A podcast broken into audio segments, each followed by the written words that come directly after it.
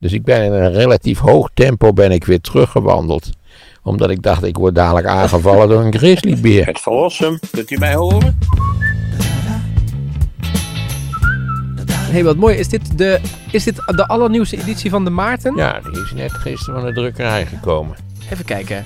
Uh, is er een titel ook? Ik, ik, ik, heb de Linda wel eens bij mijn ouders zien liggen. Dus elke... Het tijdschrift heet De Maarten. Ja, dat snap ik. Maar de Linda heeft dan uh, bijvoorbeeld de porno-editie of zo. Of de... Nee, dit, wij, wij, hebben geen porno-editie. Nee, maar wat, waar gaat het dan over? Want ik heb, dit is de eerste keer dat ik, ik wist van het bestaan, maar het is de eerste keer dat ik hem zie. Ja, prachtig tijdschrift. Ja. Het, gaat, het is een tijdschrift met meerdere lange stukken. Ja. Die zijn iets teruggebracht in de loop der jaren, omdat blijkt dat de lezers, hoe serieus ook van dit blad, toch 4000 woorden wel erg lang vonden. Oké. Dus onze maximale lengte is tegenwoordig 2500 woorden ongeveer. Meestal staan er vier stukken in van ongeveer 2500 woorden en dan wat kortere stukken. Het betreft eigenlijk altijd uh, Nederlandse politiek, internationale politiek, maatschappelijke vraagstukken in de ruimste zin van het woord. Je kunt het hier zien. Ik heb een stuk geschreven waarin ik het nieuwe kabinet, uh, wat moet komen volgend jaar, uh, adviseer. Er staat een stuk in over het klimaatakkoord, een kritisch stuk over het klimaatakkoord. Er staat iets in over de dreiging van China die helemaal niet zo ernstig is. En nou, dat is, laten we zeggen, in brede zin de thematiek. Maatschappelijke en internationale vraagstukken. Er staat een mooi stuk in van Caroline de Gruyter. Ja, die vind ik erg goed, van de NRC. Topschrijver uh, over de Europese Unie. Ja. Dat is het zo'n beetje. Hey, en ik zie hier, de, je, hebt, je hebt ook een column. Eerst even dit. En dan staat dan de grootste, het grootste gevaar voor de democratie zijn de kiezers zelf. Ja. En dan gaat het natuurlijk over Trump en over Biden. Zie ik dan zo snel staan in dat stukje. Nou ja, dat gaat over mensen als, als Erdogan, uh, uh, Poetin, Trump. Uh, laten we zeggen populistische leiders met autocratische trekken. Ja. En, en ja, die krijgen altijd de schuld van het feit dat ze de democratie om hals brengen. En dat is op zichzelf wel juist. Maar je moet je altijd afvragen hoe die lui aan de leiding zijn gekomen. Ja. En dat blijkt altijd het gevolg te zijn van verkiezingen. Ja. Het zijn geen lui die door, door middel van een militaire staatsgreep aan de macht zijn gekomen. Integendeel, ze zijn gewoon gekozen. Precies. En de kiezers weten dus in principe ook wat ze aan die lui hebben. Maar ja, we hebben de democratie wel zo bedacht dat de meerderheid... Dat is wel een probleem. Als de meerderheid van de kiezers blijkbaar niet geïnteresseerd is in fundamentele democratische beginselen. In het bijzonder dat de overheid zich bijvoorbeeld houdt aan de regels van de rechtsstaat. Ja, dan zijn we verloren. Ja. Vandaar ook dat mijn slotzin is: als iemand de democratie om zeep helpt, blijvend, dan zijn het de kiezers zelf. Maar, maar pleit je dan, heb je, hoe zou het beter kunnen dan? Geen idee. Het is een kwestie van afwachten. Het is, in het oude Griekenland liep het op tien reden al mis met de democratie. Hoe is dat daar afgelopen dan? Nou ja, dat dus demagogen aan de macht komen die er vervolgens een gigantische chaos en ellende aanrichten. En dan heeft iedereen spijt en dan gaan ze zoeken naar een ander model. Maar het, het, is een klassiek probleem van de democratie dat veel van de kiezers niet precies begrijpen wat democratie is. Dus die laten zich verleiden door demagogen die zeggen dat, dat alles verkeerd gaat. Of dat, uh, dat ze veiligheid en rust kunnen aanbieden, mits de mensen zus of zo doen. Ja. Kun je ook zeggen dan, want als je in de geschiedenis kijkt... Je Ik noemt de wijs erop dat Hitler, eh, of dat de na- Nationaal-Socialistische Partij in het najaar van 1932 35% van de stemmen heeft Precies. gekregen. Nou, dat wilde ik dus aanstippen. Kun je zeggen, moet je niet eerst een slechte leider hebben, een demagoog, om daarna de realisatie te krijgen bij de mensen, dit willen we niet, Nee, laten we anders is het stemmen. meestal wel te laat. Hè? Wat is er gebeurd in Duitsland? Namelijk dat het Derde Rijk, dat dat in 12 jaar ongeveer een van de grootste wereldrampen heeft veroorzaakt van de vorige eeuw. Ja, dan is het wel te laat natuurlijk. Tegen de tijd dat ze aan de macht zijn, is het te laat. Ja. Ja. Maar ja, dus dan, in die zin is, dus, is die, dat stuk een waarschuwing. Niet dat er veel zou helpen overigens. Maar ik wil daarop wijzen dat het fijn is dat Joe Biden gewonnen heeft in de Verenigde Staten. Maar dat er tegelijkertijd eh, Donald Trump 74 miljoen stemmen heeft gekregen. Dat nou toevallig Biden er 6 miljoen meer heeft gekregen, dat is mooi. Dat juichen we allemaal toe. En nu hopen we allemaal dat het zo erg niet is als we dachten dat het zou kunnen zijn. Maar nogmaals, ik wijs erop, 74 miljoen mensen hebben, naar ik hoop bij hun volle verstand, gestemd op iemand die vier jaar chaos en ellende veroorzaakt heeft. maar is dat erg dan? Want eh, Ja, dat is wel vrij erg, ja. Maar de, Ik sluit helemaal niet uit dat hij het in 24 nog een keer probeert en dat hij alsnog gekozen wordt. Dat sluit ik niet uit. maar de mensen die op Trump hebben gestemd, hebben niet hun zin, want Trump is zo meteen weg. Ja, ja dat is overigens ook een, een, een nadeel van het hele systeem zoals het in Amerika functioneert, dat het, dat het zwart en wit is. A of B. Terwijl wij hebben veel meer een, een op coalitie en consensus gebaseerd systeem. Met een flexibele minister-president die alle kanten op kan. En dat is heel wat beter dan de ellende van de Verenigde Staten, die natuurlijk onvermijdelijk leidt tot polarisatie. Ja, maar het blijft wel ook hier in Nederland dat als eh, de meerderheid vindt dat Thierry Baudet met zijn eh, partij Forum voor Democratie, eh, dat, de- hè, dat die moet winnen en iedereen stemt erop, ja, dan, Ja, dan zijn we de klos. Dus dan Ja. moet ik emigreren. Dat is heel vervelend. nou ja, ze, ze hebben het bij Moet ik de, naar een land waar ze andere gedachten hebben over de boreale mens. ja, maar ze hebben het bij de Eerste Ja, Kamer. moet ik zeggen dat gezien de ontwikkelingen van de laatste dagen nou ik niet de indruk krijg dat een meerderheid van de Nederlanders op Thierry Baudet gaat stemmen. Nee, maar dit is wel al gebeurd. Veel mensen hebben hem de grootste Oh. gemaakt bij de vorige verkiezingen. Ja, dat waren provinciale statenverkiezingen. Daarbij is de opkomst van een heel ander allooi dan bij normale parlementaire verkiezingen. Dus. En bovendien heeft hij er een chaos van gemaakt. Zoals velen dachten dat hij wel zou doen. Als er natuurlijk één iemand een ongekend talent heeft om zichzelf in de voet te schieten. Dan is het wel Thierry Baudet. Niet alleen in de voet, maar ik zou zeggen ook in de andere voet. En hij heeft zich nu ook vrij ingrijpend in de linker en de rechterarm geschoten. En de vraag is nu, schiet hij alsnog ook in zijn hoofd, dan is het klaar. Hij krabbelt wel weer op, want hij zegt Hij wel... krabbelt weer op. Laten we dat even rustig afwachten hoe hij weer op gaat krabbelen. Ik begrijp overigens niet zo erg waar de opwinding in die partij over gaat. Gezien het feit dat iedereen die die partij aanhing of daarmee sympathiseerde heel goed kon weten dat Thierry Baudet racistische eh, ideeën aanhangt. Mm, mm. Ik zou zeggen, het hele concept van de boreale mens is inherent racistisch.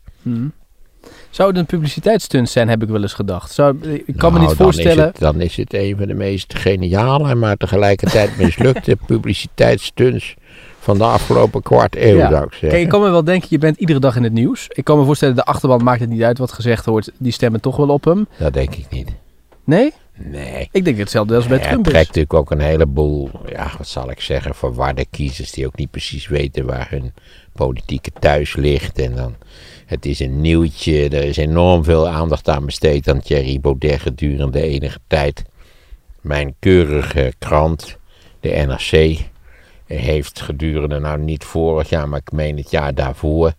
Nou ja, echt, het was, elke maand was het raak met een enorm onkritisch stuk over Thierry Baudet. Ik heb op het punt gestaan om hem op te zeggen. Ja, het is, nu is het mooi geweest.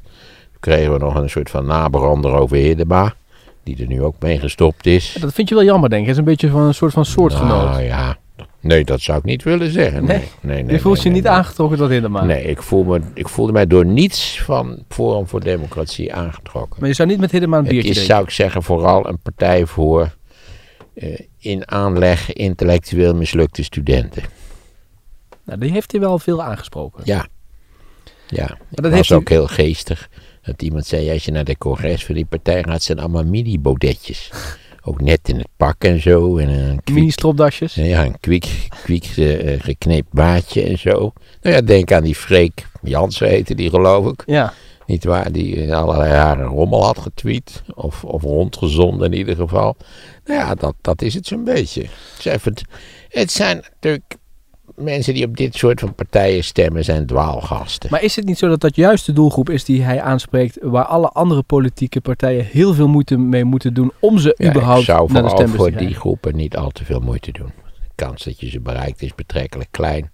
Het zijn mensen die ja, opgewonden zijn, radicale gedachten hebben, vaak aan samenzweringstheorieën geloven.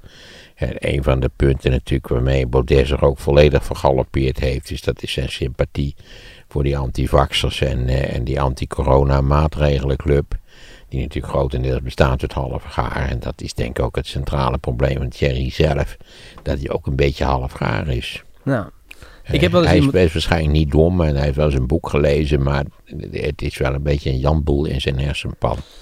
Ja, al is de uil van Minerva wel een woord waarvan ik denk dat gaan we eh, nooit meer vergeten. Dat heeft hij toch op de Nee, kaart ik gezet. heb al diverse geestige spotprenten gezien die, die op die uil waren geënt. Dus drie uilenjongen die het, het hele uilennest hadden ondergezeken en zo. Dat vond ik wel vrij geestig.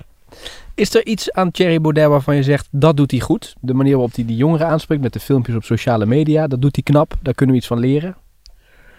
Nou ja, het schijnt dat, dat, dat ze daar enorme aanleg hebben voor werkzaamheden in de sociale media. Ik heb daar zelf helemaal geen aanleg voor. Nee. Ik zou ook liever niet daar aanleg voor willen hebben. Je hebt, om, om een goede twitteraar te worden, heb je toch wel een aantal talenten nodig die ik niet heb. En Wat die zijn ik, dan? Die ik ook niet schelde. Hè? Eh, Op volstrekt onge, ongecontroleerde eh, redeneringen gebruiken. Want dat is natuurlijk de essentie van Twitter. Het zijn 140 tekens. En dat is natuurlijk voor de meeste mensen ook zo fijn. Ze hoeven nooit ergens een argument voor te bedenken. Ja. Je hoeft alleen op te schrijven dat Piet Jansen een klootzak is. En dat hij te dik is. En dat het sowieso een, een, een uilenbal is. En dan ben je klaar. Je hoeft niet te zeggen waarom dat zo is. Dat is het is een heerlijk medium voor mensen die niet al te snugger zijn. Laten we het hebben over een leuker onderwerp. Wat ook vaak blijkt uit het feit dat ze niet kunnen spellen. En dat die ene zin die ze erop zetten grammaticaal niet goed in elkaar zit.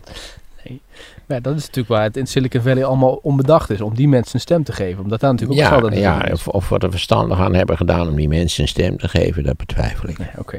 Hey, de groene longen van de stad. Daar gaan we het over hebben. Ah, de parken. De parken, ja. Dat is de vorige keer hadden we al aangekondigd. Ehm, en dat is een plek waar je je heel prettig voelt. Ja. Hè? Kijk, ik heb hier een park om de hoek. Het Utrechtse Wilhelminenpark aan de oostkant van de stad. Utrecht heeft ook een Julianapark en tegenwoordig ook een heel groot Maxima-park Ja. in Leidse Rijn. Waar ik was langs ben gereden. Ik was wel onder de indruk van de afmetingen, maar ik moet er nog eens rustig gaan wandelen. Idem dito het Julianapark. Maar ik wandel hier natuurlijk om de hoek elke dag in het park. Precies. En eh, eh, wat ik wel opvallend vond in de voorbereiding is dat die parken op, in heel veel plaatsen op, plekken liggen waar voorheen ehm, een, s- een stadswal was. En op die plek is, is een park gekomen. Ja, en je begrijpt waarom dat zo is. Eh, Die stadswallen die hebben tot, laten we zeggen, ergens halverwege de 19e eeuw nog een soort van betekenis gehad. Hoewel dat eigenlijk al na de Napoleontische tijd niet meer het geval was. En dus is op een moment besloten om ze af te breken. Maar dat betekent dat natuurlijk die stad zelf niet gebouwd had op die defensieve werken die er waren, namelijk de stadswallen. Dat heeft ook in Utrecht bijvoorbeeld geleid tot het zogenaamde Singelpark omdat Utrecht was een, had, was een, had een enorme muur, ongeveer zes meter hoog. Hier en daar staat nog wel een restantje overeind. En het Singelpark is natuurlijk, geeft ook een hele aardige stadswandeling. Je kunt bij het station starten. En dan loop je daar naar het Singelpark. Dan loop je het hele Singelpark rond. En dan loop je de Malibaan op. En aan het eind van de Malibaan ga je naar rechts. En dan ben je binnen 200 meter sta je in het Wilhelminapark. Het, is, eh, heb je echt een stadswandeling gemaakt van eh, waar je u tegen zegt. Ja. En wat is het de charme van parken? Is natuurlijk dat het een soort.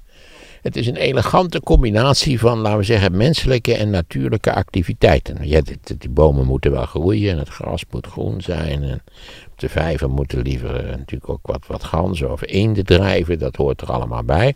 Maar het is wel geordende natuur. Dus je hebt bijvoorbeeld zichtlijnen. Hè? Een bekend punt in een park is dat je op regelmatige punten heb je een leuke doorkijk naar laten we zeggen, de geordende natuur die het park in essentie is. En het leuke van het Wilhelminapark natuurlijk is dat het, dat het oud is. Het is een relatief oud park. Waar zie je dat aan? Aan de bomen, hè? Aan de dikke bomen. Deels zo dik dat ze alweer deels vervangen moeten worden. De kastanjes hebben het moeilijk, want die hebben, hebben lijden, lijden onder een ziekte. Of liever gezegd, het is een, het is een insect, maar niet, desalniettemin eh, eh, hebben ze daar veel last van. Maar een ja, park wat net nieuw is, er staan geen honderd jaar oude bomen in. Dat is heel, heel aardig. Aan het begin van het Wilhelminenpark staat een linde in een, in een rond perkje. En die linde is precies geplant op het moment dat het park geopend is. Nou, dat is een hele forse linde. Al zie je daaraan dat zo'n linde, ja, die kan nog wel een paar honderd jaar mee als die een beetje behoorlijk verzorgd wordt. Juist. Eh, Is de, eh, als ik dan de stelling poneer, een goed park ehm, eh, is een oud park, betekent dus ook dat het jaren nodig heeft om dat, die status Ja, te wil krijgen. het een beetje een serieus park worden, wil, laten we, willen, laten we zeggen, de beginselen die de parkontwerper, want de, vrijwel alle parken hebben een ontwerper. Hè, Kopijn heeft dit Ja. perk, per, eh, park ont- bijvoorbeeld ontworpen. En heel veel Amerika- Amerikaanse parken hebben ook een ontwerper. Altijd volgens dezelfde beginselen. Je ordent de natuur op een zodanige wijze dat het nog steeds natuur is, zodat onze perceptie van vallend herfstblad, eh, uitlopende bomen, het gras wordt weer groen, dat is er. Maar altijd op een, op een elegante en verantwoorde wijze, waar je extra van kunt genieten. Maar waar zit dan met genieten in? Want als je bijvoorbeeld naar een bos gaat, dan heb je dus de ongerepte natuur. Ja, maar de ongerepte natuur, dat is een hele wonderlijke zaak. Dat onze lieve Heer, je weet, die heeft dus over de schepping, heeft hij in principe had zeven dagen. Hij had één rustdag aan het eind, dus hij is maar zes Daar geloof dagen. je toch niet in? Zes dagen is hij maar met de schepping bezig geweest. En uit alles blijkt dat dat gewoon veel te kort geweest is. Oké. Dat is een van de dingen, als je ooit van je leven echt een, een, een oerbos hebt gezien. Ik zou maar zeggen, ik heb ooit een wandelingetje gemaakt in de Rocky Mountains, in het Glacier National Park. Dus dat is echt zoals de Heer in het achter heeft gelaten op de zesde dag. Dat is een zootje. Dat was haastwerk. Ja, eh, ja, precies. En dan denk je als Nederlander altijd, dit, als hier nou eens een beetje ordening in kon worden aangebracht. Hè? Het staat bijvoorbeeld in een oerbos vol met dode bomen.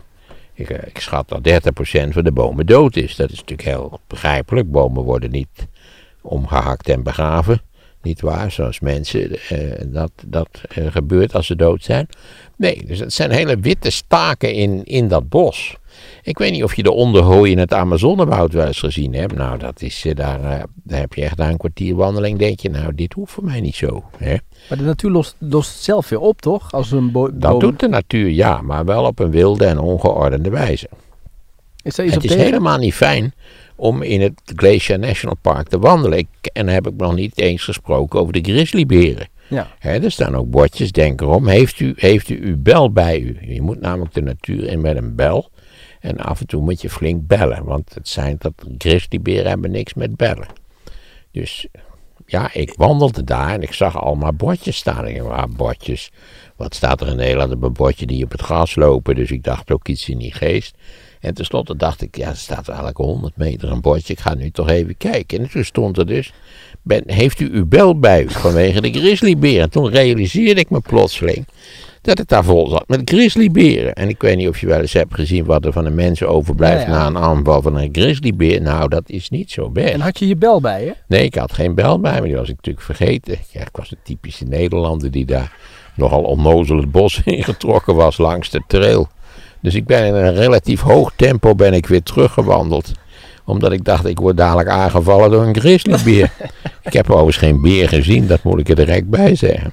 Want je weet, als Amerikanen gaan wandelen, zijn ze ook uitgerust alsof ze de Himalaya gaan bestijgen. Hè? Ja. Dus ze hebben grote rugzakken en, en, en speciale goggles op. En nou ja, net als ze gaan fietsen, dan Sportief denk gekleed, ja. Dat je Ja, denkt- zij zijn wel erg sportief gekleed. Ja. ja. Ja. En dat is een van de grote voordelen bijvoorbeeld van het Wilhelminapark, dat er geen grizzlyberen zijn. Nee, nee. Ben je toen wel nog een keer terug geweest in dat park?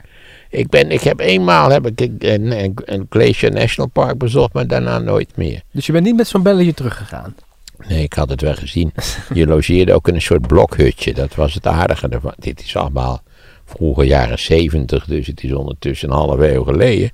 Maar nee, ik, ik vond, de, de wildernis heeft niet veel voor mij. Ik ben echt iemand van, van de, de romantische tuinaanleg. hè, Oké. De romantische, het romantische landschapspark. Een Ja. idee wat in de loop van de 18e eeuw opkomt. Eh, je hebt dat bij hele grote Engelse buitenplaatsen. hè. Die hebben een prachtig, een, een, daar is de hele natuur daaromheen is, is keurig georganiseerd. Volgens die principes die ik schetste. Het moet er een beetje leuk uitzien. Zichtlijnen, waterpartij. En wat je daar ook veel hebt, dat heet follies.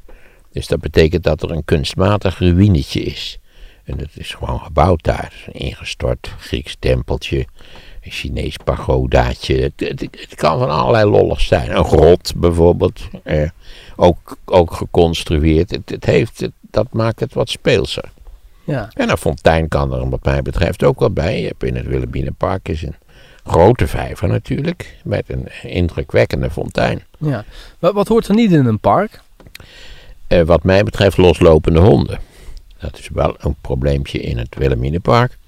Dat hoewel volgens mij de mensen de hond aangelijnd moeten houden, doen ze dat vaak niet.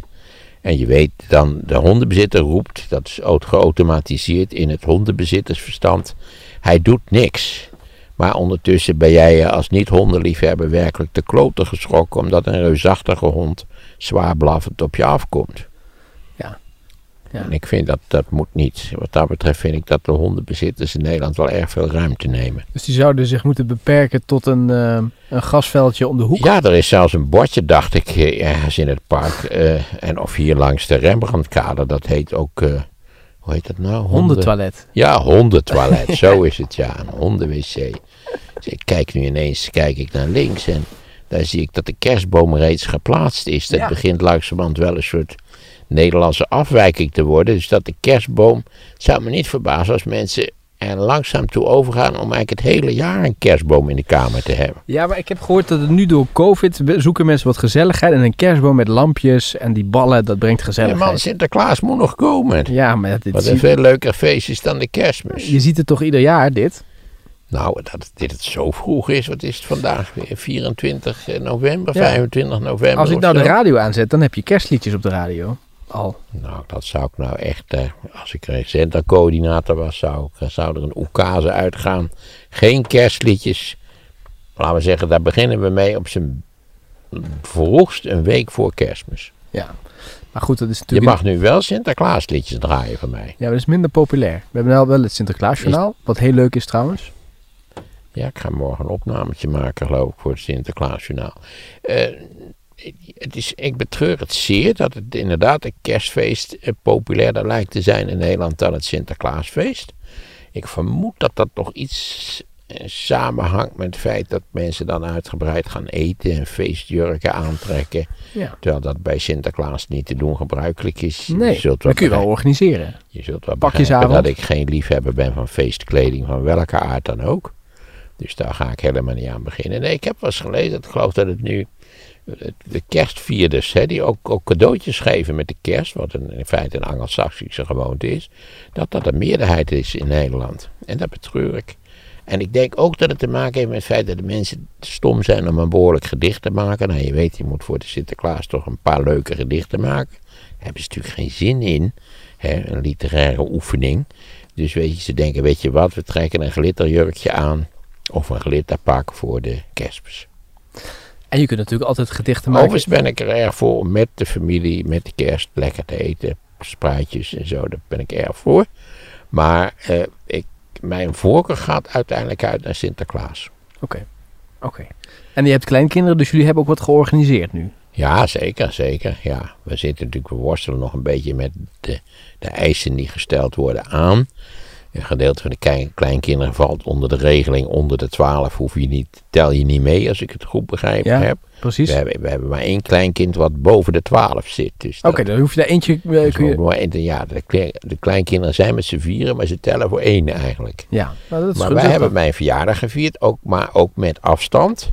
En, en de ramen opengezet. En mijn zoon had een CO2-metertje bij zich om te kijken of de, of de luchtkwaliteit van eh, nog een beetje redelijk was. En dat is allemaal goed gegaan.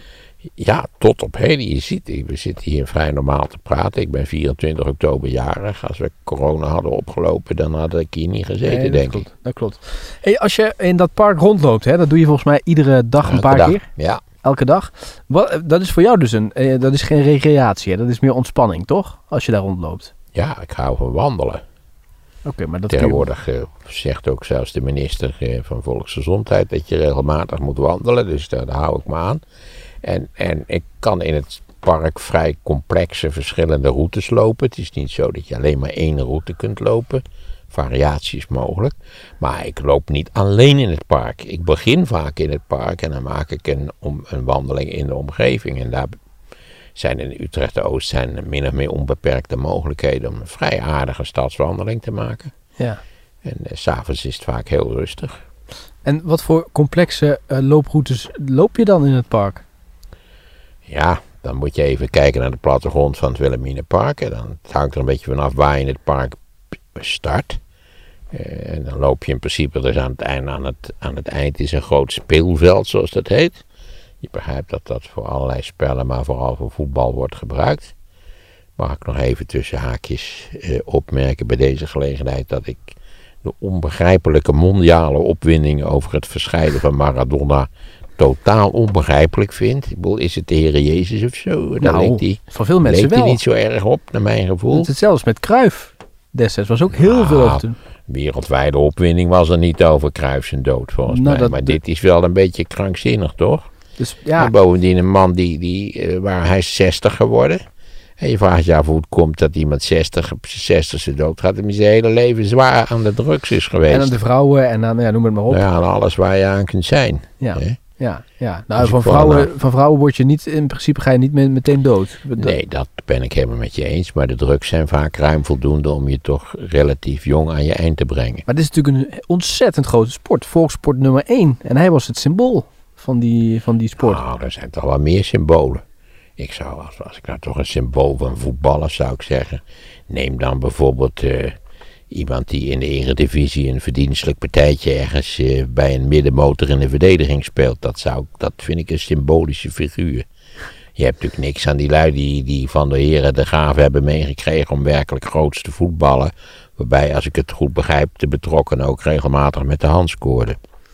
Nou, dat is een, daar, dat, dat was, Rijtsma was, eh, was daarover inderdaad in een discussieprogramma. Die reageerde daarop. Hij, van, hij heeft een van zijn bekendste doelpunten heeft hij met de hand gescoord. Ja, Ja, ja. maar goed, ik, ik, ik gun het die mensen graag, maar ik vind het wel overtrokken.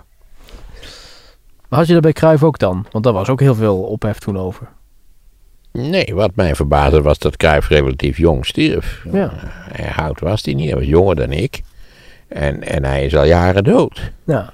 En dan denk ik altijd bij mezelf, god, joh, waar ligt dat nou aan? Heeft hij dan toch te veel gerookt of zich te nerveus gemaakt of weet ik veel wat? Ik gun zo iemand van die leeftijd. Ik had het ook bij mijn vader, die is op zijn 71ste plotseling overleden. Dat je denkt, nou, met een beetje overleg was, eh, was eh, tien jaar extra nog wel mogelijk geweest. Ja, dat is Ja. toch heel leuk, die tien jaar extra. Als ik op mijn 71ste was overleden, dan hadden we hier niet gezeten. En had jij dat tijdschrift niet in de hand gehad, en Dat klopt. had ik allerlei enorm leuke dingen niet kunnen doen. Denk je dat als je eh, komt te overlijden, dat, dat jij wel nog eh, als een symbool voortleeft in Nederland? Nee, dat denk ik niet. Nee? Nee, daar heb ik helemaal geen illusie over. Ik ben al blij als mijn dood op teletext gemeld wordt. Nou, dat denk ik wel, toch? Maarten van Rossum. En dan... Nou ja, daarom. Dat, daar ben ik wel voor. Maar eh, nee, ik ben ook nergens symbolisch voor. Nou, mensen kunnen wel allemaal deze gesprekken terug gaan zitten luisteren. Ja, dat schijnen ze wel te doen. Dus, eh, dat vind ik verder natuurlijk ook best, want dat is de reden dat wij ze voeren. Als gebleken was dat er feitelijk niemand naar luisterde, behalve, behalve onze familieleden, dan zouden we na een tijdje Nee. mee stoppen. Nee, nee. Ja, Maradona is toch, ja, ik, ik, snap, ik snap vanuit jouw standpunt het, het punt, maar het is voor heel veel mensen, ik heb veel mensen ook Ik gisteren gun het ze graag, ik wil het niet verbieden, maar ik ben er wel verbaasd over. Ja, maar mensen zijn echt, eh, ik zag het op, op die sociale media dan, zijn echt teleurgesteld en huilend en nou ja, noem het maar op. Nou ja, ik wil daar verder nou niet al te laatdunkend over spreken. Maar als je huilt omdat Madonna op zijn zestigste overleden is. Maradona. Vanwege de verdovende middelen die hij tot zich heeft genomen. Dat vind ik wel vrij idioot. Ja, Ja, ja. Het zou best ja zijn moeder, dat vind ik prima. Ik weet niet of ze nog leeft. Maar of zijn familie, of zijn vrouw, of zijn kinderen. Daar heb ik geen bezwaar tegen. Maar Ja. Ik heb wel het idee dat zijn beste jaren, die hebben we wel gehad. Want ik heb hem nog wel eens een keer gezien en dan stond hij langs de lijn. eh, of was hij eh, coaching in te geven bij het, eh, het land- nationale elftal. Met een sigaar op het veld. Het was vermakelijk, maar het was natuurlijk vol, vol- volslagen gek. we hebben nu alweer veel te lang over Ja, dat is- Madonna ja, gesproken. ja. Dus we houden daarmee op. Ja, maar dat, jij hebt het aangestipt, hè? Je begon over het, het park ja, met dat- het ja inderdaad. Ik, ik, ik zei tussen haakjes en toen hebben de haakjes zich eindeloos uitgebreid. Dat is altijd levensgevaarlijk. Ja. Maar dan loop ik ben benieuwd hoe je dan bedenkt. Oké, ik ga nu naar het park en ik sla dan, ik pak eens een andere route. Ja, dat is heel interessant. Dat is eigenlijk het een van hè, dat is het decisieprobleem. Hoe, hoe kom je tot een besluit? En het gekke is dat ik vaak van zelf verbaasd ben over het besluit wat ik klaarblijkelijk heb genomen. Dan denk ik, goh, ja. En ten dele, ten dele loop je op de automatische piloot natuurlijk. Dus, eh, Kun je een voorbeeld noemen? Nou, dan begin ik daar eh, bij, die, bij die speelwei. En dan, eh, ik ga daar meestal linksaf en dan draai ik zo om die speelwei heen. En dan denk ik vaak de allereerste seconde, waar ben ik nou niet naar rechts gegaan? Maar goed, dan heb ik het al besloten. En dat is, je hebt wel eens het gevoel dat je hersens al iets weten voordat, jij het, Ja, voordat ze het doorgeseind hebben naar de centrale die de beden beweegt. precies. Daar heb ik ook dus vaak dat ik denk, als ik nou niet deze beslissing had genomen, was ik die persoon bijvoorbeeld niet tegengekomen. Ja, dat, eh, in die zin hangt het leven van allerlei wonderlijke toevalligheden aan elkaar natuurlijk. Maar kun je ook een En- voorbeeld noemen dat je een beslissing hebt genomen dat je dacht, nou dat is zo opvallend. Toen gebeurde, ik nam die beslissing en toen gebeurde dit. Nee, nee. Behalve een wonderlijke gebeurtenis die alweer jaren her is. Namelijk dat ik eh, een eindje wandelde met een goede kennis van mij. Dat was eh, bij de, op de Stadhuisbrug ongeveer. Dat- Die hebben ze midden in Utrecht. En ik heet Maarten, zoals algemeen bekend is. En die kennis heette ook Maarten. En toen kwamen we eerst een andere Maarten tegen, die we allebei kenden. En toen zeiden we, nou dat is toch een wonderlijke zaak, drie Maartens bij elkaar. En toen kwamen we een, een vierde kennis tegen, die we ook allebei kenden, die ook Maarten heet. Dit is statistisch zo uiterst onwaarschijnlijk en toch is het echt gebeurd. Ja, zonder dat wij overigens enig besluit daarover hadden genomen. Niet te verklaren, denk ik, toch? Nee, dat is niet te verklaren. Dit, je kunt het, een statisticus kan waarschijnlijk uitrekenen hoe groot die kans is dat dat gebeurt. Dat je dus dat je met z'n vieren, het waren ook deels vage kennissen van elkaar, maar dat je met z'n vieren Maarten Helend op de Stadhuisbrug staat, dat, dat moet een vrij klein kansje zijn. Denk je dat er iemand is die zit te regisseren, die, die dit beïnvloedt? Nee, dat denk ik niet. Er is, er is geen regie van boven, om het zo maar te zeggen. Ik heb daar straks de naam van de heer Ijdel gebruikt met die schepping. Om dat even, om even duidelijk te maken dat echte Rimboe dat dat een rotzooitje is. En, en, nou ja, neem dat Amazone-oerwoud weer. Waarom is het beneden zo'n rommel? Omdat er relatief weinig licht op de bodem van het Amazone-oerwoud valt. En de meeste diversiteit, natuurlijk flora en fauna, heb je eigenlijk in, in, de, laten we zeggen, in de toppen van die, van, die tropische, van die tropische bomen. Ja. Daar zitten al die prachtige eh, papegaaien en, en daar leven van alle mogelijke dieren. En daar is de diversiteit van flora en fauna het allergrootste. Niet Ja. op de bodem van het, van het tropische oerwoud. ja. Is het ook zo omdat je van rust houdt dat je het park zo mooi vindt omdat je daar vaak rust vindt? Nou ja, ik ben op zichzelf een weinig niet een onrustige persoon. Dus ik kan er in principe ook gewoon achter mijn bureau kan ik ook rust vinden hoor. Dat is helemaal niet zo verschrikkelijk moeilijk. Er zijn dingen die je bijvoorbeeld alleen ter ontspanning gaat zitten lezen. Ik lees wel eens een autotijdschrift, dat is pure ontspanning eigenlijk. Vind een heel interessant probleem. Dan probeer ik ook wel een leuk stuk te lezen. Eh, maar de, ja, wat ik leuk vind in het park zijn de seizoenswisselingen. Dat is iets wat wordt natuurlijk veel eh, geklaagd over het Nederlandse klimaat. Dit is natuurlijk ook zo'n novembermiddagje dat het dan begint te, te regenen. En dat je, joh, joh, wat een treurigheid. Hè. Gelukkig dat die kerstboom daar zo fijn staat te stralen aan de overzij. Maar eh, Nederland heeft in feite een prachtig klimaat. En dat komt omdat onze, onze seizoensovergangen duren altijd lang. En zijn, zijn heel is verlopen traag. Dus je hebt niet dat gekke gedoe dat je in de tropen bijvoorbeeld heb je het is of droog of je hebt de regentijd. Als het de regentijd is, regent het voortdurend pijpen stelen. En als het droog is, is het eigenlijk veel te droog. Bij ons is het een, een vrij soepel draaiend systeem. En, en ja, ik mag dit natuurlijk niet zeggen, dat is heel erg. Maar in verband met de klimaatopwarming zijn onze winters, dat stelt niet zo verschrikkelijk veel meer voor. Dat is helemaal naar mijn wens. In de zin dat ik geen groot liefhebber was van hele strenge winters. Ik begrijp nu dat het misschien af en toe eens moet gebeuren, maar nou, iemand zei vanmiddag eh, iets tegen mij van nou, als er, als er nou eh, over een, een tijdje hier in de straat veel sneeuw ligt, kom ik nog even kijken. Dat was een gemeentewerker. En toen zei ik toch, eh, nou de kans dat er deze winter in deze straat veel sneeuw komt te liggen, die is vrij klein. Ik weet niet hoeveel dagen het vorig jaar gesneeuwd is, maar als het er één is, is het veel. Dus ja, dat vind ik al een voordeel. Het nadeel is dat de zomers daardoor wel wat warmer worden. Ja, dat is niet fijn, hè? Ja, maar en mijn grote liefde ligt natuurlijk ook in het voorjaar en het najaar. Ja, mooi. nu leuk. nog, ik vind nog zo'n, zo'n zeker zo'n stervende novembermiddag met wat licht aan de horizon. En zit nog wel wat doorblad aan de bomen. Eh, ja, dat kan ik enorm op prijs stellen. Ja, dat is ook mooi. En dat ben ik met je eens. Dat is mooi om dat in het park te zien. Dat, eh, die, die, die wisseling van die Ja. seizoen. Dat is, dat is mooi. Maar v- voor wie is het park? Want je komt natuurlijk ook allemaal toch wel eens eh, zwervers en junks en zo. En, en mensen Ja, die het liggen te neuken. trekt een, heel, een hele eh, diverse populatie, om het maar zo te zeggen. Eh, ook dit park zit vol met eh, mensen die daar vaak al... nou, ik ben betrekkelijk laat op, maar als ik dan even na het ontbijt een klein wandelingetje maak, dan zitten ze er al. Dat zijn eh, werkloze alcoholici. Of, of alcoholische werklozen, ik weet niet precies hoe je dit moet omschrijven. Die ook altijd niet normale blikjes bier drinken, maar twee keer zo grote blikjes. Die ze gek genoeg ook niet in de, in de tientallen prullenmanden gooien in het park, maar die ze met een los gebaar achter zich in de struiken werpen. Ja, ik vind dat niet ideaal, maar oké, ik geef ze de ruimte.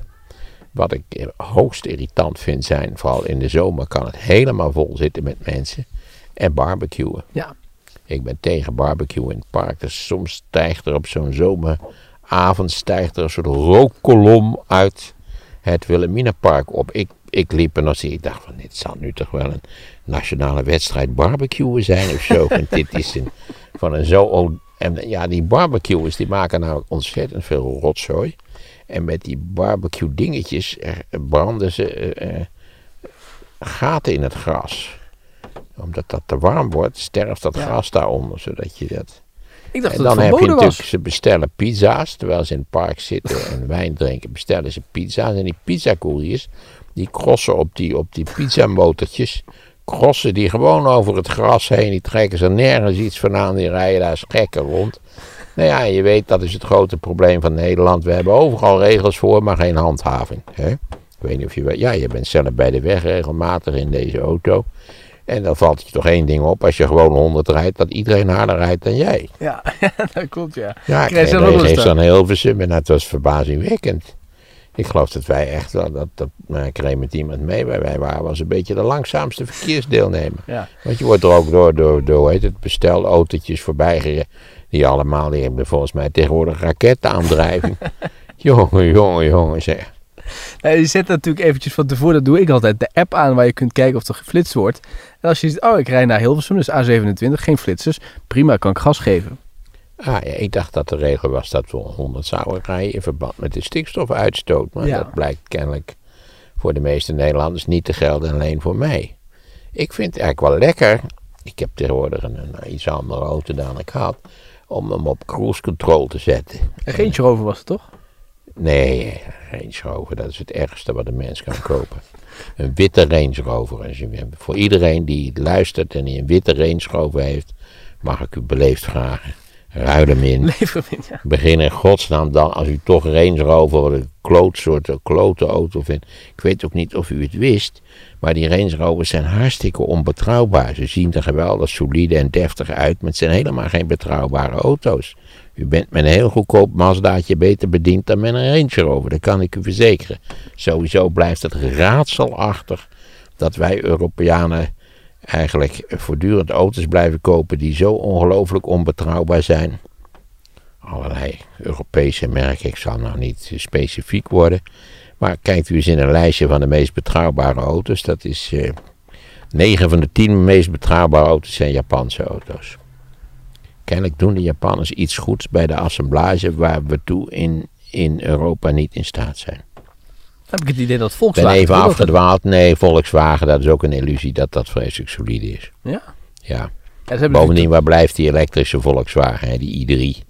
Daar hebben we daar goddomme jarenlang in de krant over gelezen. En, en ik was in Duitsland een week. Ik heb in, het, in een hele week één i3 gezien. Ja, maar dus de, de afstand is daar het probleem. Die, die, die laat je op en dan kun je, ja, kun je net 10 kilometer rijden. Nou, dat valt wel mee. Je kunt hem volgens mij in drie versies krijgen. En dat is in, met een hele forse actieradius in de orde van iets boven de 400 kilometer. Ja, dat is Duitsland niet veel. zo'n beetje max. En dan heb je een middelste en een iets- mindere ac- actieradius. Eh, en dus dat, maar die met de grootste actieradius kost altijd nog iets van 39.000 euro. Als je nou weet dat het modale jaarsalaris van de Nederlander is geloof ik 37.500 euro. Dus dat ding is al duurder hè, dan een modaal jaarsalaris voor belastingen. Dus dan, ja, die elektrische auto's moeten echt een stuk goedkoper worden. Wil dat een beetje aantrekkelijk zijn voor de modale autokoper. De modale autokoper moet een heel redelijk autootje kunnen kopen voor 11.000, 12.000 euro.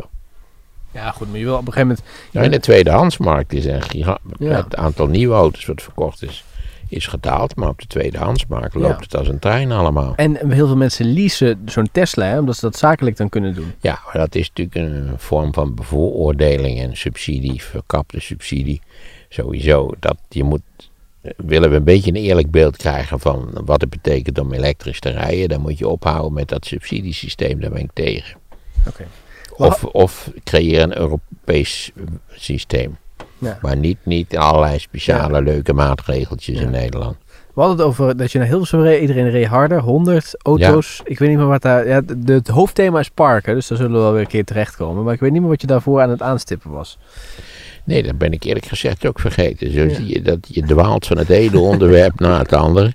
En dit was, had mij gisteren enorm getroffen. Ja, daar zit je. Je rijdt 100. Hartstikke leuk. En, en, en aan links en rechts flitsen ze je voorbij. Zegt dat je ook denkt van... Die lui weten allemaal kennelijk iets wat ik niet weet. Namelijk dat je hier niet bekuurd wordt. Ik weet het alweer. Het ging over barbecue. Barbecue in het park. barbecue, ja. Daar loop jij Daar dus zou- wel tussen dan. Nou, het, als de hele drukke dagen mijd ik het park. Ja, dat is. Ik, zal, ik durf het nauwelijks meer te zeggen. Het klinkt volkomen asociaal. Maar als dan zo, zo eind september voor het eerst winderige avonden. Hè, met af en toe een buitje. Dat vind jij lekker. Ah, heerlijk joh. Ja. Dan, is dat, dan is die hele massa die is uit het Ja. park verjaagd. Al die barbecuers en pizza-eters en wijndrinkers. Die zijn opgedonderd. Dat vind ik dat geweldig. Dus, maar dat is natuurlijk ook een functie van het park, hè? Ik weet het. Daarom. Ik heb wel eens overwogen. Nou ja, ik heb wel eens over. Je weet, in Parijs worden de parken afgesloten. Na negen uur s'avonds gaan de parken dicht. Altijd. Ook, niet, ook buiten corona. Eh, ja, volgens mij wel. Dat is altijd zo geweest.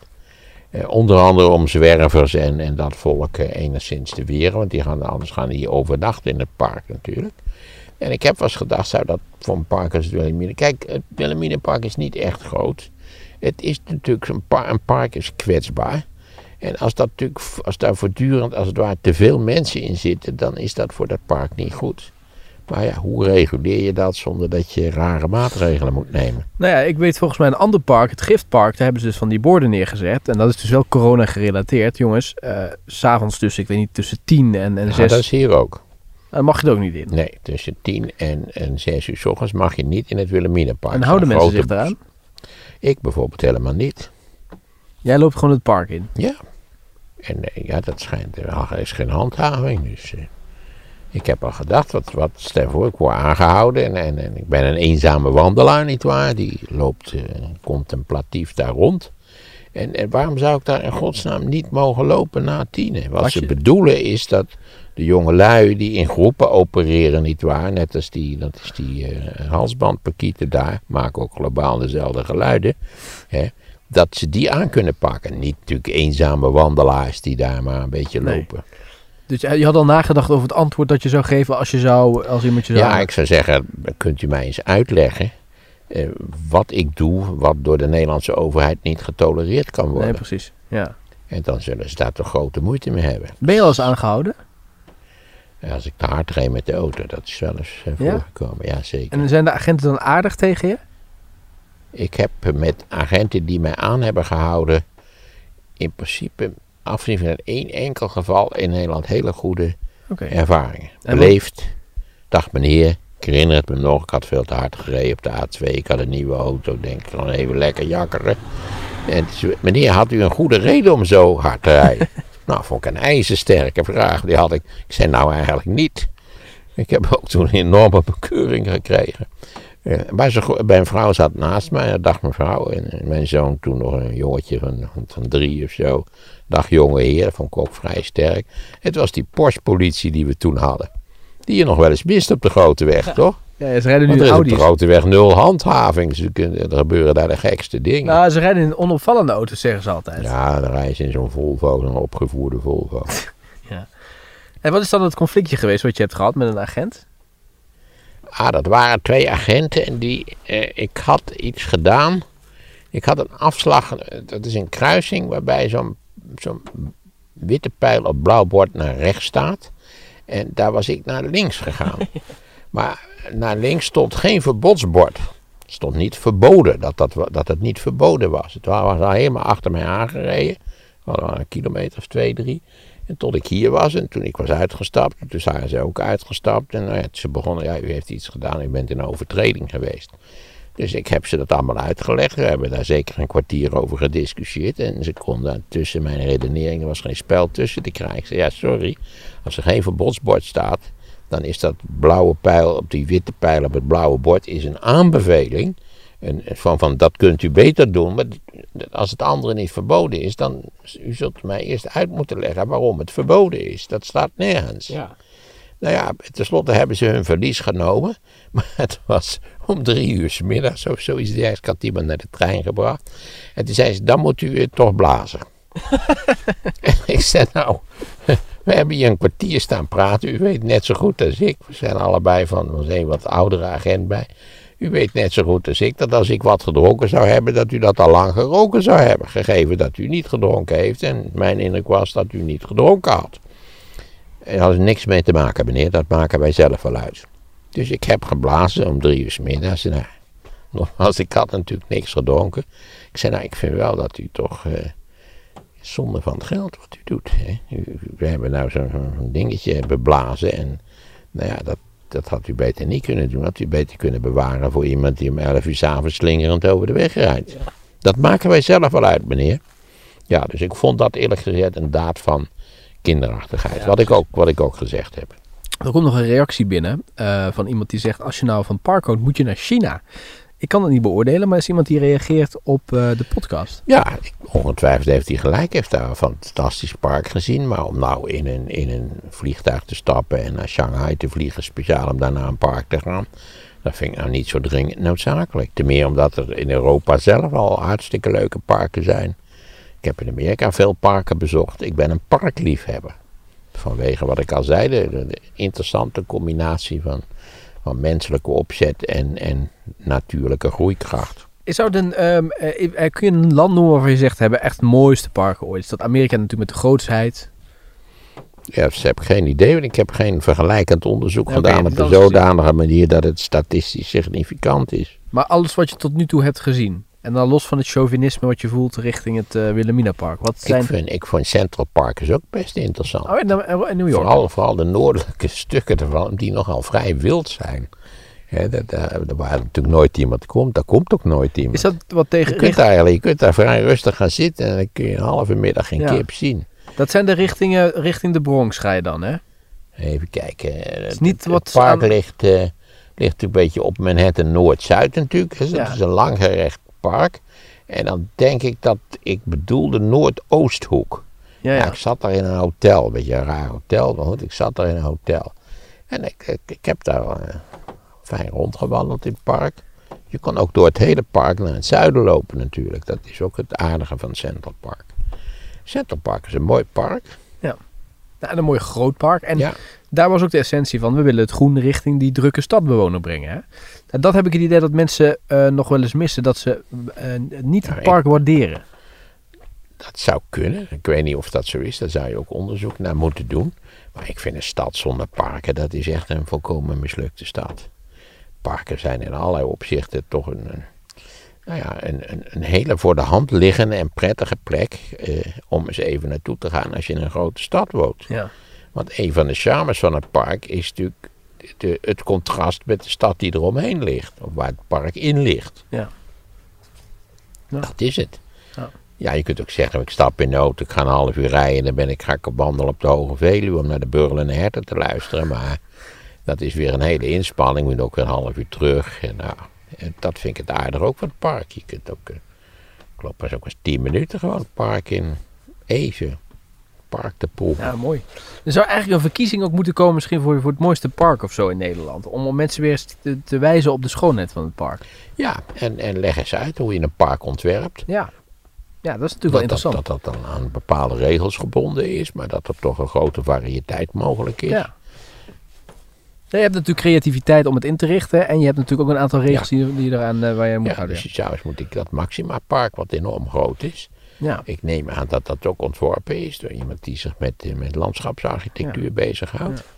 Dus daar zou je ze kunnen opzoeken. Misschien moet ik eens een stukje over schrijven. Misschien iets ik voor de nieuwe Maarten. stukjes over het Wilhelminapark geschreven. Ja. Dus. Het zou een mooi thema zijn voor de Maarten. Jullie werken niet met thema's, maar het zou misschien een interessant iets nee, zijn. Nee, we hebben eigenlijk geen, al een hele tijd geen themanummers meer gedaan. Bepaal je ook wie er, ik zit wel even te bladeren, wie er wel of niet in mag? Of is dat... Uh... Ja, zeker. Oké, okay, dus wie mag er nooit in de Maarten? Thierry Baudet. Nou, nee. We hebben al een groot stuk gehad over Thierry Baudet alweer oh, ja? een jaar okay. of twee geleden. Van Rob Hartmans. Een baardenswaardig stuk op zichzelf. Nou, dat vrij overtuigend uitlegt dat het een intellectuele chaot is met apocalyptische ideeën. Het leek me een vrij goede karakterisering, eerlijk gezegd. Ehm, nee, dat, in principe is het voor niemand verboden die een goed stuk schrijft. Oké, dat is mooi. Mooie uitdaging. Ik ga hem lezen. Hij ligt in de winkel ook, of hij is te krijgen? Nee, ik denk dat het nog wel een paar dagen duurt. Ik heb hem net van de, hoe heet het, van de drukkerij gekregen. Oké. Zo'n doos met tien Maar dan ligt hij, hij is wel in de, dus je zou hem als, als Sinterklaas cadeau zou je hem kunnen geven aan mensen. Ja, hij is precies op tijd voor de Sinterklaas. Oh, dat is mooi, dat is Ik goed. kan hem warm aanbevelen voor de Sinterklaas. Ook met een goed gedicht erbij. Mooi. 10 december, eh, webinar. eh, kun je nog aanmelden. Linkje in eh, de beschrijving. Dan gaat het over Europa. Een heel ander thema weer. Ehm, grote dank, Maarten. Ga je nog iets leuks dank. doen? Als mensen vragen willen stellen over Europa, laten ze die dan vast stellen. Want dan kunnen we daar ook naar je een toe. beetje Ja. op koersen. Ik had je al wat gemaild, hè? Had je het gezien? Ik had je al wat vragen Ja, ja, dat had ik gezien, ja. Ja, er stonden ook nog wat tips voor de printer bij van de vorige keer. Ja, dat, dat is eh, de nieuwe Mac eh, operating system had eh, sowieso problemen met HP. Ja, dat precies, dat schreef iemand. Ja. Ja, ik heb problemen heb ik met een typische moderne en ouderwetse om, omweg opgelost. Want ik had, godzijdank, had ik geen, geen hoe heet dat, zo'n zo'n update op mijn, had ik op mijn grote computer gedaan naar Catalina. Dat is een, Ja? komt nu nog weer een nieuw systeem, maar goed, naar Catalina. Eh, waardoor dus de printer niet meer deed. Maar ik had godzijdank mijn laptop niet Ah, kijk. Dat is die, heeft, die heeft nog die hele ouderwetse rommel van zeven jaar geleden. Toen En die doet het wel heb. nog. Die doet het wel. Dus ik stuur nu een mail naar mijn eigen laptop. en dan print ik vanaf mijn laptop. Dat is toch lollig, hè? Ja. Ik ben benieuwd. Daar kunnen de lezers ook op reageren. Dan kunt u mij een prijsje sturen dat ik zoiets intelligents bedacht heb. Wat alleen maar veroorzaakt is door het feit dat ik volkomen vergeten was mijn laptop te updaten. Ja, het is bizar soms. Het is denk ik voor heel veel mensen herkenbaar, wat dit wat je omschrijft. Dus, eh, ook bijvoorbeeld dat programma Word, dat wat je voortdurend te updaten zegt, dat is toch wel echt ja. ja, een rare wereld hoor, die van, het, eh, van de Ja. software. Ik zou niet op Excel klikken als ik jou was, want dan wordt het nog erger. Nee, het gekke is dat, dat is ook vrij wonderlijk. Ook leuk voor de luisteraars die allemaal beter weten met die computers. Dat doordat ik het geüpdate heb naar Catalina, zo heet dat nieuwe operating systeem. Zijn beneden, omdat ik allemaal oude versies had van die Microsoft software.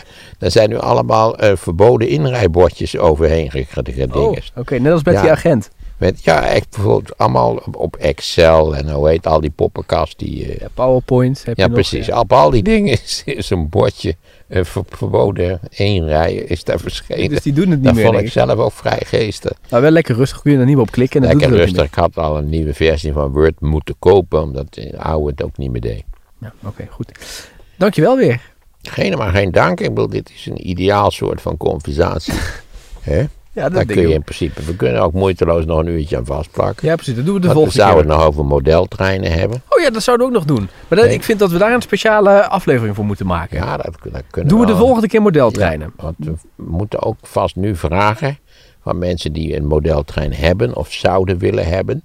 Want ik ben bang dat het, het construeren van modeltreinen en modelbanen, dat dat in dezelfde sector valt als postzegels verzamelen. Dus dat het bezig is om uit te sterven. Ik heb mijn, Zo niet, laat van u horen. ja, en mijn ouders hebben een buurman. En die, die dat is gewoon een ondernemer. Die doet het zit in een tapijt. Maar die heeft dus op zijn zolder, heeft hij echt, nou ja, zo, zover als je kunt kijken, heeft hij een is toch modeltrein. een prachtige hobby. Hè? Het is, Ik ja, zal ook uitleggen waarom het onzin is, maar het is ook een prachtige hobby. Ik heb er begrip voor. Net als voor postzegels verzamelen, waar we ook eventueel nog eens een leuke Precies, dan hebben we wel veel onderwerpen. Ja, Modeltreinen, postzegels en misschien nog dat wat ja. ter tafel kortom, komt. hoe vullen mensen de enorme hoeveelheden vrije tijd op die de mensen in het Westen nu eenmaal hebben? Precies. Grote dank, tot de volgende keer. Jo.